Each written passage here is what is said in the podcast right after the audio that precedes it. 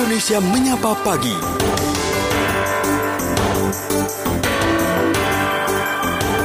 Indonesia Menyapa Pagi masih bersama saya Fahmi Andrian Dan pendengar sesaat lagi kita akan terhubung di dialog layanan kesehatan kerjasama FKUI dan RRI bersama Profesor Dr. Dr. Bambang Supriyatno SPAK ya. Dan kali ini kita akan membahas mengenai kapan anak dicurigai asma. Dan sepertinya ini saya sudah tersambung ya bersama Profesor Dr. Dr. Bambang Supriyatno SPAK. Selamat pagi Pak Bambang. Pagi Pak Fahmi. Ya, salam sehat Pak. Alhamdulillah sehat. Baik. Pak Bambang, ini kan kalau kita berbicara mengenai anak ini, waduh, ini agak-agak krusial ya. Semua orang kayaknya cinta sama anaknya. kalau Karena bisa, juga cinta sama anaknya aja. dong. iya. Kalau bisa jangan anaknya yang sakit, orang tuanya aja. Sepertinya sih begitu ya, kalau orang tua. Nah, Pak Bambang, kapan sebenarnya kalau kita harus mencurigai nih anak-anak kita mungkin terkena asma gitu ya? Apakah mungkin ada eh, gejala-gejalanya dan lain sebagainya? Silakan, Pak. Oke, jadi kalau kita berbicara asma itu orang kadang-kadang suka takut gitu ya. Ya, Nah, sebenarnya kapan sih eh, kita curiga ke arah anak asma atau anak kita asma? Nomor satu kita bisa memprediksi Pak Fahmi dan eh, pendengar. Pertama, ketika ada orang tuanya asma atau Iya. parental asma, satu. Yang kedua, bahwa anaknya itu namanya dermatitis atopi atau kadang-kadang kalau orang suka bilang itu pipinya merah merona ketika bayi kena air susu gitu. oh, Ya, Oke. kalau itu kan eh, tapi bukan bukan Humaira loh. Eh, kalau pipinya memerah ya Humaira juga pipinya memerah. Tapi ini kayak putusan gitu loh. Iya, iya. Atau dilipat atau dilipat-lipat paha, lipat-lipat siku, ya. Iya. Itu dia ada dermatitis atau eksim. Kalau dia ketemu dua, dua itu tadi, ibunya atau bapaknya asma, Iya. kemudian anaknya dia dermatitis atopi, maka sangat mungkin sekitar 70 sampai 90 persen anak itu akan asma di atas usia 4 tahun. Gitu, ya. di atas empat Nah, terus- tahun ya, ya. Ya, ya kadang-kadang sudah tiga tahun juga ada empat tahun, tapi umumnya biasanya empat tahun. Nah terus eh, kalau udah besar atau di atas empat tahun, eh, kan tadi kita memprediksi Iya. kapan kita curiga asma. Nah, eh, kita pakai adalah satu adanya batuk, ya, dan atau mengi. Jadi boleh batuk doang, Ya. Boleh mengi doang, boleh dua-duanya Hmm. ya. Iya. Yang bagaimana sifatnya? Nah, sifatnya itu entar. Entar itu entar dulu gitu, entar ya. Iya. Oh ya, entar ya. Entar tuh nanti. Apa itu E pertama? E pertama adalah episodik. Eh, e pertama itu episodik. Episodik itu artinya berulang-ulang. Kayak kita nonton sinetron, eh, Iya. tukang bubur naik haji, kan ada episode yang berulang-ulang tuh. Satu E itu entar, ya E. Yang kedua N.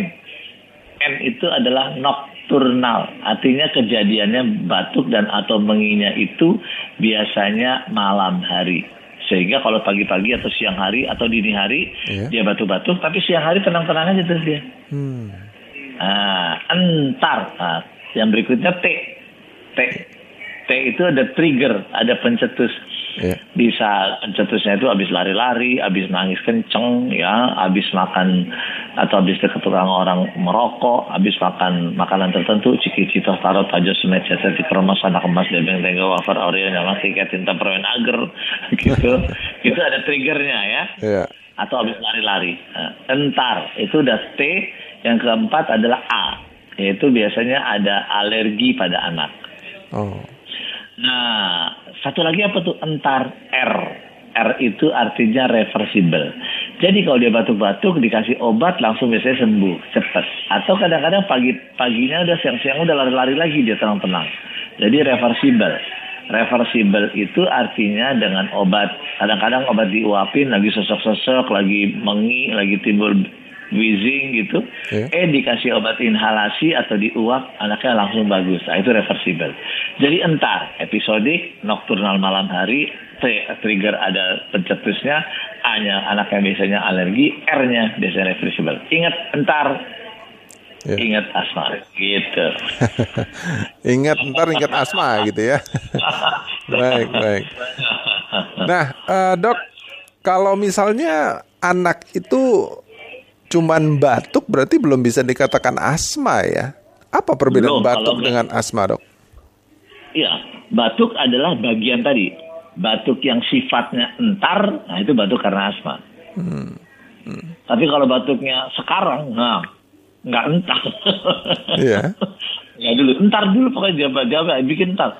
Apakah batuknya itu berulang-ulang episode? Apakah terutama malam hari? Apakah dia kalau ada makan tertentu atau kena asap rokok atau lari-lari atau kalau makan apa gitu? Ya. Ah, iya kalau dia entar maka dia asma. Gitu. Hmm. Gampang. Entar, okay. ingat aja entar. Baik, baik. Nah, Dok, apakah asma bisa disembuhkan? Nah, pengertian sembuh ini kadang-kadang Pak Fahmi sama saya berbeda. Pertanyaannya, ya, Iya. Kalau kalau flu bisa beda nggak? Bisa sembuh nggak? Bisa. Kalau tipes bisa sembuh nggak? Bisa. bisa. Nah, asma dia kita tidak mengatakan sembuh, tapi asma bisa dikendalikan. Oh. Kenapa namanya nggak sembuh? Karena namanya dikendalikan. Kalau dia asmanya kan dia timbulnya kalau ada pencetus, ada trigger. Hmm. Kalau triggersnya atau pencetusnya itu kita bisa kendalikan, maka asma tidak akan timbul. Juara Olimpiade itu itu ada penderita asma, bisa jadi juara Olimpiade renang. Hmm. Nah, Mark Spitz kalau tahu Mark Spitz berarti angkatan tua tuh. itu tujuh medali emas dipegang yeah. oleh perenang Mark Spitz. Dia penderita asma nggak apa-apa asma oh. silakan ya asma nggak apa-apa tapi dia bisa berprestasi jadi intinya adalah intinya asma itu dikendalikan kalau sembuh kalau dia nggak dikendalikan suatu saat dia akan timbul lagi oh. karena tadi episodik jadi namanya kita nggak mengatakan asma itu sembuh tapi asma pasti bisa dikendalikan pasti oh. bisa dikendalikan triggernya dihindari yang kedua triggernya dijauhi, yang ketiga triggernya jangan didekati. Hmm, ya, ya. Kadang kita Jadi, yang udah menghindari, kadang kita yang udah menjauhi, ada orang yang mendekati. oh, tendang aja Pak, tendang aja Pak Fahmi. Kalau nah, ngerokok, suruh ngerokoknya di atas genteng. Iya. Kan nggak bisa datang ke kita gitu. Iya, ini berarti salah satu penyakit bawaan juga ya, turunan gitu ya, genetik ya dok? Ah, dia manurung betul, hmm. bukan manulang. dia manurung ya, baik. Kalau untuk mengatasinya saat gimana dok? Apakah ada obatnya? Oke, jadi asma itu saya katakan tadi bisa mengalami namanya serangan asma. Iya. Atau dia sebelum sampai serangan dia menimbulkan gejala. Jadi kalau dia gejalanya itu biasanya batuk-batuk saja. Ya. Tapi kalau sudah sampai sesak atau sudah susah mengeluarkan nafasnya, itu sudah timbul serangan. Nah, ketika dia serangan, ketika dia sesak, obat yang paling utama pada saat itu adalah biasanya kita lakukan dengan obat secara inhalasi atau diuap. Orang kadang-kadang mengatakan nebul, diuap, diinhalasi itu sarwakene kata orang Jepang bilang. Sarwakene, gitu. ya, ya. Ah, ya sama aja. Jadi mau pakai uh, nebulisasi boleh kalau ketika dia sesak. Tapi kalau batuk mungkin cukup ada yang bisa pakai obat yang oral, ada bisa puyer, ada bisa kapsul, ada bisa sirup, atau bisa juga langsung ketika dia batuk-batuknya agak hebat dilakukan secara inhalasi atau nebul atau diuap. Hmm. Yaitu dengan obat yang namanya salbutamol. Jadi ketika dia saat itu saat serangan maka nomor satu kalau sampai sosok sekali pakai oksigen tentu ya yeah. kalau nggak terlalu sosok sekali diuap aja gitu hmm. diuap. Nah, kalau dia sudah sering timbul namanya asmanya bandel, yeah. asmanya sering bolak-balik, asmanya sudah persisten namanya, maka dia biasa kita butuh obat yang rutin. Namanya sebagai obat pengendali. Bahasa Sundanya controller gitu. Oh, oke. Okay. Nah, jadi dia pakai obat tuh, bisa dihisap. Obatnya biasanya nggak diminum biasanya bisa dihisap atau disemprot gitu. Iya. Yeah. Yeah. Obat yang di inhaler namanya. Iya. Yeah. Kalau sering nah. orang lebih sering pakai itu biasanya saya lihat ya. Oh, itu kalau sudah yang persisten. Oh. oh. oh. Kalau dia masih ketimbulnya enam bulan sekali, ngapain pakai begituan? Oh gitu. Oh, tapi oh, oh. tapi kalau dia misalnya uh, sebulan dua bulan sekali timbul, nah dia mesti pakai tuh pengendali gitu. Gitu. Yeah. Baik. Nah kalau asma sendiri ini apakah bisa menyebabkan kematian dok? Bisa. Oh bisa. Bisa asma bisa kematian ketika dia serangan asma, eh nggak diobatin, didiamin aja, maka dia akan kekurangan oksigen. Kalau oksigennya kurang, maka bisa tuh kejadian namanya hipoksenia, namanya hipoksia, ya. Mm-hmm. Orang kenal lah hipoksia. Nah kalau hipoksia, lama kelamaan kan terjadi kerusakan segala macam, otaknya rusak, ginjalnya rusak, parunya pasti gitu. Jadi uh, bisa menimbulkan kematian karena terjadi penyempitan pada uh, asma itu sendiri. Jadi prinsip dasarnya adalah asma ketika terjadi serangan asma karena ada faktor pencetusnya yeah. itu terjadi yang namanya penyempitan saluran nafas. Oke. Okay. Nah dok, tadi yang menarik begini dok, uh, ketika seseorang cowok atau cewek gitu ya terkena asma gitu kan, ini kan penyakit turunan nih genetik ya. Nah kalau orang yang punya asma terus menikah dengan tidak asma, um, ada kemungkinan nggak kalau anaknya nggak asma dok? Oh, dia nggak nggak kayak hukum Mendel gitu, nggak kayak hukum Mendel. Kalau oh. uh, dia ini misalnya yang satu sakit, yang satu enggak, jadi anaknya jadi uh, uh, apa namanya dua puluh lima persen sakit, dua puluh persen tidak, yang lima puluh persen sarir, nggak seperti itu, dia nggak nggak. Hmm. Kalau orang tuanya asma, kan tadi ada dua tuh tadi ya. Yeah. Orang tuanya asma, kemudian anaknya dia dermatitis atopi, maka dia 70 sampai 90 persen dia akan asma. Oh. Tapi tidak berarti kalau orang tuanya asma pasti anaknya asma. Tidak juga berarti bahwa orang tuanya tidak asma, anaknya nggak bakal nggak kena asma. Bisa. Oh. Tapi prinsipnya, yeah. prinsipnya biasanya orang tuanya itu ada faktor alergi. Tapi kalau alerginya, kan alergi dalam bentuk macam-macam ya, bisa alergi dalam bentuk asma, bisa alergi dalam bentuk uh, eksim, bisa dalam bentuk batuk-batuk terus, bisa dalam bentuk rinitis alergika gitu, yang pilok nggak selesai-selesai, ya. mampet nggak selesai-selesai, nah bisa seperti itu. Hmm. Nah, kalau orang tuanya asma, maka amat sangat mungkin anaknya lebih besar menjadi asma sekitar 90 persen, gitu. 90%. Tapi yang saya ya yang saya uh, garis bawahi ya. yang menarik bukan asma biasanya Apa? yang menarik itu Pak Fahmi itu tangan biasanya oh kenapa dok? Iya tangan yang narik yang narik masa kaki kan nggak narik tangan ya. yang narik iya iya baik, dokter kita jeda sebentar ya dok ya nanti kita lanjutkan lagi ya dok. Iya baik. Oke, jadi yang menarik pasti tangan ya, bukan uh, Iya, siap. Nah pendengar, nanti kita akan lanjutkan lagi perbincangan kita bersama dokter Bambang ya, setelah informasi berikut ini. Kilas Berita.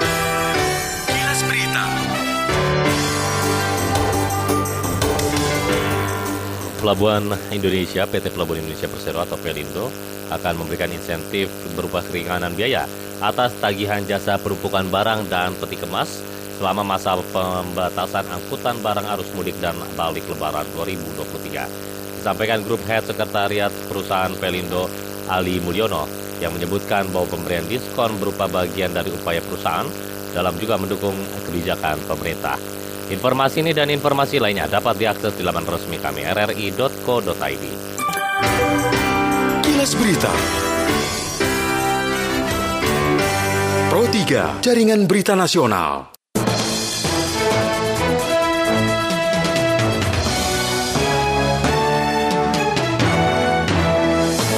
Pro 3 Jaringan Berita Nasional Dokter Bambang masih bersama kami ya dok? Yap. Ya, siap. Nah dok, ya tadi sudah cukup jelas yang dokter uh, paparkan semuanya ya. Tapi mungkin karena waktu juga uh, mepet sekali dok. Mungkin ada closing statement dok dari dokter untuk uh, himbauan kepada semua pendengar yang ada di seluruh Indonesia ini. Bagaimana ini uh, menjaga anak yang ya. asma dan dicurigai. Silakan dok. Ya, pertama bahwa asma itu uh, tidak perlu dikhawatirkan. Ya, Ya. Uh, kapan kita curiga asma? Satu, uh, kita prediksi dulu kalau orang tuanya ada asma, anaknya dermatitis atopi, maka dia sangat mungkin asma. Kapan kita didiagnosis sebagai asma? Batuknya sifatnya entar atau menginya wheezing itu mengi, meng, bengek itu sifatnya entar, episodik artinya berulang, nokturnal malam hari, trigger ada ada pencetus, ada alergi dan biasanya reversible kalau malam timbul siangnya tenang-tenang saja. Itu yang uh, kedua. Yang ketiga, anak asma nggak usah khawatir, tidak usah dikucilkan. Anak asma bisa berkembang dengan baik, bisa jadi profesor, bisa jadi juara olimpiade. Yang penting adalah bagaimana kita mengendalikan asma, yaitu hindari faktor pencetus, jauhi faktor pencetus, jangan dekat-dekat sama faktor pencetus. Faktor pencetusnya apa? Bisa udara, terutama asap rokok. Kedua, asap kretek. Ketiga, asap filter. Keempat, asap cerutu.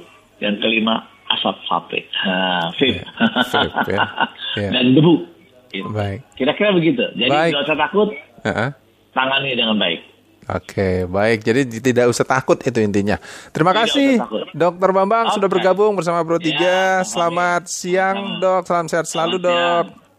Amin, amin. Insya Allah.